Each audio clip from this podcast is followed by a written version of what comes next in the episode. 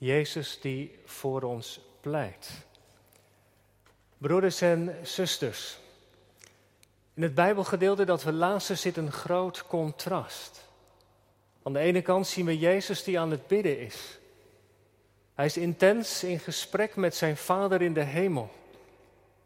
Bedroefd en zeer angstig is hij, zo vertelt Matthäus. Aan de andere kant zijn daar de discipelen. Drie van de twaalf heeft Jezus meegenomen dieper de hof in. Zij moeten hem ondersteunen in het gebed. Maar ze kunnen dat niet. Drie keer vindt Jezus hen slapend. En het is precies dit contrast tussen de biddende Jezus en de slapende discipelen wat het gebeuren in de hof van Gethsemane zo aangrijpend maakt. In de strijd die Jezus voert, is hij helemaal alleen. En het gebeuren daar in de hof van Gethsemane legt iets bloot wat al eeuwenlang het probleem is geweest. Het probleem dat God had met zijn volk. Dat als het er echt op aankwam, ze het liet afweten. De geschiedenis van Israël is een repeterende breuk geweest. Van ja zeggen, maar nee doen. De geest was soms nog wel gewillig, maar het vlees zo vaak zwak. En zo eenvoudig kan het soms gaan. Er is eigenlijk niets nieuws onder de zon. Je hebt het woord gehoord. Je weet wat God van je vraagt, maar je doet het niet. Je komt niet in beweging. En dat is het virus waarmee wij allemaal besmet zijn geraakt. En in de hof van Gethsemane komen die beide lijnen samen. Van de gewillige en sprekende God en de onwillige en slapende discipelen. Hoe kunnen die twee ooit weer bij elkaar komen? Ze komen samen in de persoon van Jezus. Ook al laten mensen het afweten, er is er één die op zijn post blijft. Jezus de middelaar, geknield in het stof van de hof. Jezus bidt. En het nachtelijk gesprek gaat over de drinkbeker, of die aan hem voorbij kan gaan. De drinkbeker. In het Oude Testament is dat een beeld voor de toren van God. De toren van God die opgeroepen wordt door het menselijke kwaad en de ongehoorzaamheid. Zij vullen de beker totdat de maat vol is.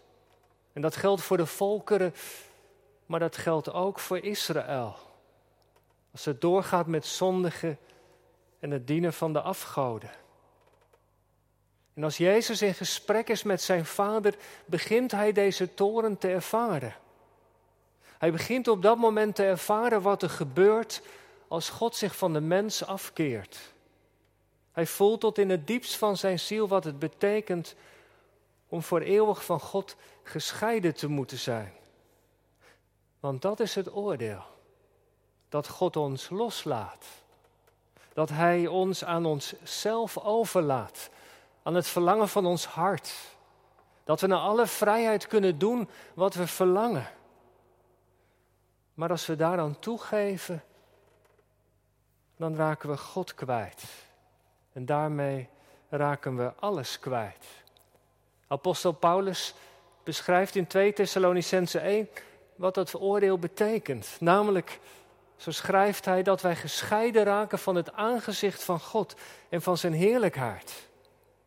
Dat is het oordeel. Gescheiden betekent weg van zijn liefde en genade. Weg van zijn heerlijke nabijheid. Gescheiden betekent overgeleverd aan het kwaad en de willekeur van de zonde. Maar daar heeft Jezus ons niet voor over. En daarom is hij zo intens in gesprek met zijn vader. Hij bidt voor zijn discipelen. De discipelen die daar slapen.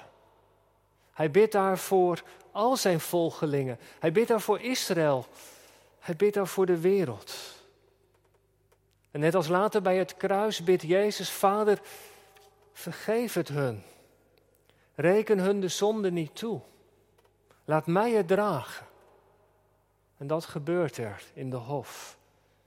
In de hof draagt Jezus het nee van God over de zonde en de halfslachtigheid van ons mensen. En het gaat er in de hof nog heftiger aan toe dan straks aan het kruis. Jezus, zo vertelt een van de evangelisten, is zo angstig, zo beangstigd, dat hij druppels bloed zweet. Maar waarom hier dan in de hof?